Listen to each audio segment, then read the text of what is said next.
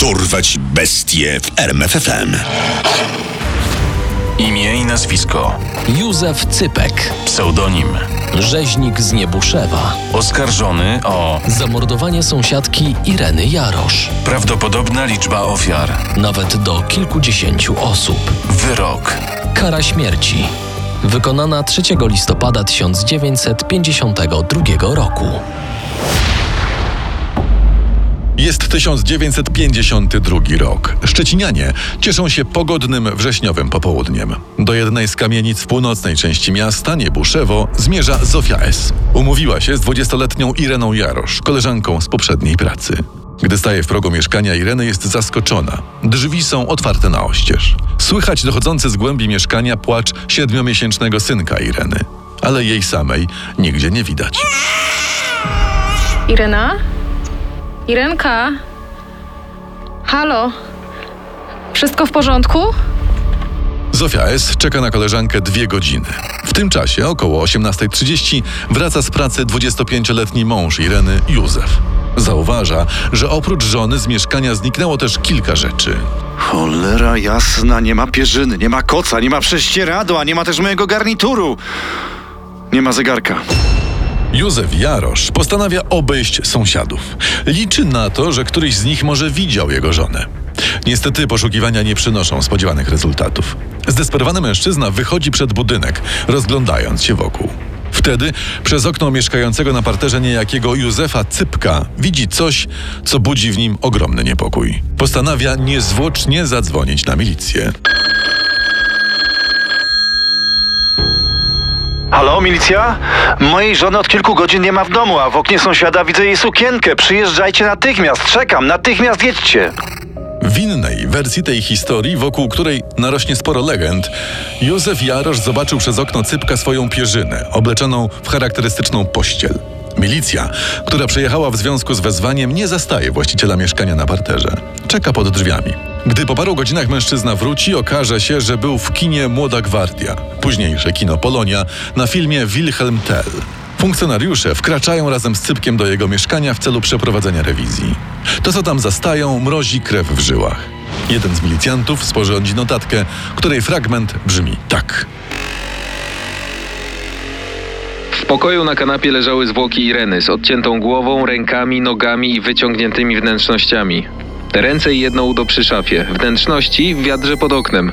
W kuchni na zlewie, krzesłach i drzwiach czerwone plamy, część nieudolnie pościerana. Na półce przy kaflowej kuchni miska do połowy wypełniona czerwoną cieczą. Obok maszynka do mielenia mięsa ze śladami mielenia. Na talerzach serce i wątroba ludzka. Na stole na patelni niedojedzona jajecznica z jakimś tłuszczem. Obok chleb ze smalcem, sałatka z pomidorów i kawałek surowego mięsa, chyba wołowego. Po mieszkaniu walały się butelki po piwie i wódce. Gdy Jarosz widzi poćwiartowane zwłoki żony mdleje, Józef Cypek zostaje aresztowany. Do dziś jest uważany za pierwszego seryjnego mordercę w powojennej Polsce, choć w sądzie udowodniono mu tylko jedną zbrodnię. Cypek urodził się w 1895 roku w Opolu. Jego matka była Polką, ojciec Niemcem. On sam uważał się za Niemca. Z zawodu był ślusarzem. Od wybuchu I wojny pracował na kolei. W 1915 roku został powołany do wojska. Dwa lata później na froncie stracił nogę. Od tej pory nosił protezę. W tym czasie zapisał się też do niemieckiej partii komunistycznej, a wkrótce potem ożenił z Polką. Niestety i ona, i dwóch synów Cypka ginie podczas II wojny światowej. Z całej rodziny przeżył tylko Józef. Wkrótce po zakończeniu wojny, w dość niejasnych okolicznościach, mężczyzna przeprowadził się do Szczecina. Najpierw mieszkał przy ulicy Wawrzyniaka, a następnie został przesiedlony do budynku przy Wilsona 7, dziś Niemierzyńska 7. Jak zeznali sąsiedzi, przez jakiś czas nie mieszkał sam. No, kręcił się u niego po mieszkaniu jakiś młody blondynek. Cypek mówił, że to jego syn, a po kilku dniach chłopak zniknął. Już e, nigdy potem go nie widziałem.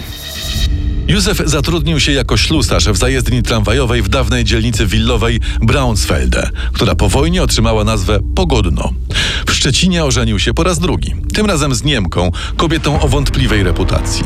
Przed wojną była znaną w okolicy prostytutką, po wojnie natomiast została stręczycielką. Po pewnym czasie za swoją działalność trafiła za kraty, a jej mąż zaczął wieść prawdziwie hulaszcze życie. Panie, co się działo na tym jego parterze? Prostytutki, balangi do rana, spać się nie dało, a alkohol to się strumieniami lał. Podobno na imprezach u Cypka pojawiali się jego niemieccy znajomi, w tym rzeźnicy, z których jeden prowadził na miejscowym bazarze budkę z mięsem. Tak narodziła się miejscowa legenda, prawdopodobnie po części tylko oparta na faktach, że Józef przy pomocy m.in. bileterki z ulubionego kina Młoda Gwardia zwabiał do mieszkania dzieci, żebraków i prostytutki, a następnie ich mordował i przerabiał na wędliny. Słyszała pani? Potem sprzedawał ten towar na bazarze w budce tego znajomego rzeźnika, Niemca. Podobno żonę też przerobił na gulasz. Nikt jej nie widział po wyjściu z więzienia. A Cypek mówił, że wyjechała do rodziny do Berlina. Ta akurat. Te teorie nie znalazły potwierdzenia w sądzie. Ale faktem jest, że Józef Cypek na 99% był kanibalem. Świadczy o tym choćby wątroba Ireny Jarosz i jej serce znalezione na talerzu w kuchni mordercy. Faktem jest także, że w latach 1949-51 po Szczecinie grasował nieuchwytny morderca, który mordował ofiary i rozrzucał ich ciała po całym mieście. Na przykład w dzielnicy Łękno odkryto w beczce ciało bez głowy. Z kolei w piwnicy kamienicy na Żelechowie znaleziono korpusy dwóch mężczyzn, również pozbawione głów oraz nóg. A jak donosił kurier szczeciński, W pociągu relacji Szczecin-Poznań pasażerowie jednego z przedziałów ze zgrozą odkryli w walizce kobiece ręce i nogi. Sposób mordowania ofiar rzeczywiście przypomina bestialski mord Ireny Jarosz. Ponadto ciekawostką jest, że astrolog Leszek Szuman, po wojnie zamieszkały w Szczecinie, autor słynnej książki Życie po śmierci, stwierdził. Podczas rewizji w mieszkaniu Cypka jeden z milicjantów zobaczył pod pachą mężczyzny tatuaż ze swastyką. Jednak między bajki można włożyć teorię, że Józef Cypek był SS-manem. Jak już wiemy, podczas I wojny światowej amputowano mu nogę, a do tej formacji nie przyjmowano kalekich mężczyzn. Mimo, że Józef uchodził za dziwaka i podejrzanego typa, aż do 11 września 1952 roku mało kto w Szczecinie o nim słyszał i nikt nie snuł na jego temat przerażających opowieści. Gdy został aresztowany, śledczy w pierwszej kolejności chcieli wiedzieć, gdzie znajduje się głowa denatki Ireny Jarosz. A utopiłem ją w rusałce. Cypek miał na myśli pobliskie jezioro Rusałka, znajdujące się w dzielnicy Łękno. Gdy w toku śledztwa spuszczono wodę z jeziora, znaleziono tam kilkanaście czaszek, głównie dziecięcych. Cypkowi nie udowodniono jednak dokonania żadnego innego morderstwa. Na pytanie, czemu zamordował Jarosz, odparł krótko. Zapukała, żeby pożyczyć mąkę. Chciałem się z nią przespać, ale ona była mi nieprzychylna. No to ją zatłukłem młotkiem. A czemu obywatel poćwiartował zwłoki? Myślałem, żeby je wynieść w kawałkach. Nie zdążyłem. Podczas dochodzenia w mieszkaniu oskarżonego milicja znalazła m.in. kilka sukienek należących do Ireny Jarosz, buty damskie i podręcznik do medycyny w języku niemieckim. Proces Cypka został utajniony. Władze bały się niepokojów społecznych, przede wszystkim samosądów na Niemcach, których w powojennym Szczecinie mieszkało około 4 tysięcy. Z tego też powodu proces w trybie doraźnym trwał tylko kilka dni. Akt oskarżenia trafił do sądu już dwa dni po aresztowaniu Cypka. Był napisany w dużym pośpiechu. Przeoczono w nim wiele faktów i okoliczności. Nie wspomniano nawet o milicyjnej notatce, w której mowa była o wnętrznościach denatki znalezionych w kuchni oskarżonego, obok maszynki do mielenia mięsa. Do dziś nie wiadomo, ile ofiar miał na sumieniu Józef Cypek. Notatka lekarza z sekcji zwłok Ireny Jarosz brzmiała.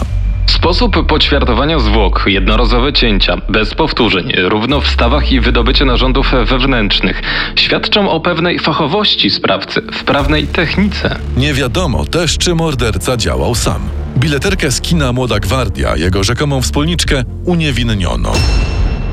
Już 17 września 1952 roku zapadł wyrok. Józef Cypek został skazany na karę śmierci przez powieszenie. W błagalnym liście prosił prezydenta Bolesława Bieruta o ułaskawienie, jednak odpowiedź była krótka. Nie. Został stracony 3 listopada 1952 roku o godzinie 17.45 i pochowany potajemnie w bezimiennej mogile na cmentarzu centralnym w Szczecinie. Podobno do dziś ktoś ustawia na jego grobie znicze do dziś. Krążą też historie o dziwnym, słodkawym smaku mięsa, które można było kupić w latach 50. na szczecińskich bazarach. Poznaj sekrety największych zbrodniarzy świata. Dorwać bestie w RMFFM. Chciałem się z nią przespać, ale ona była mi nieprzychylna. Zatłukłem łotkiem.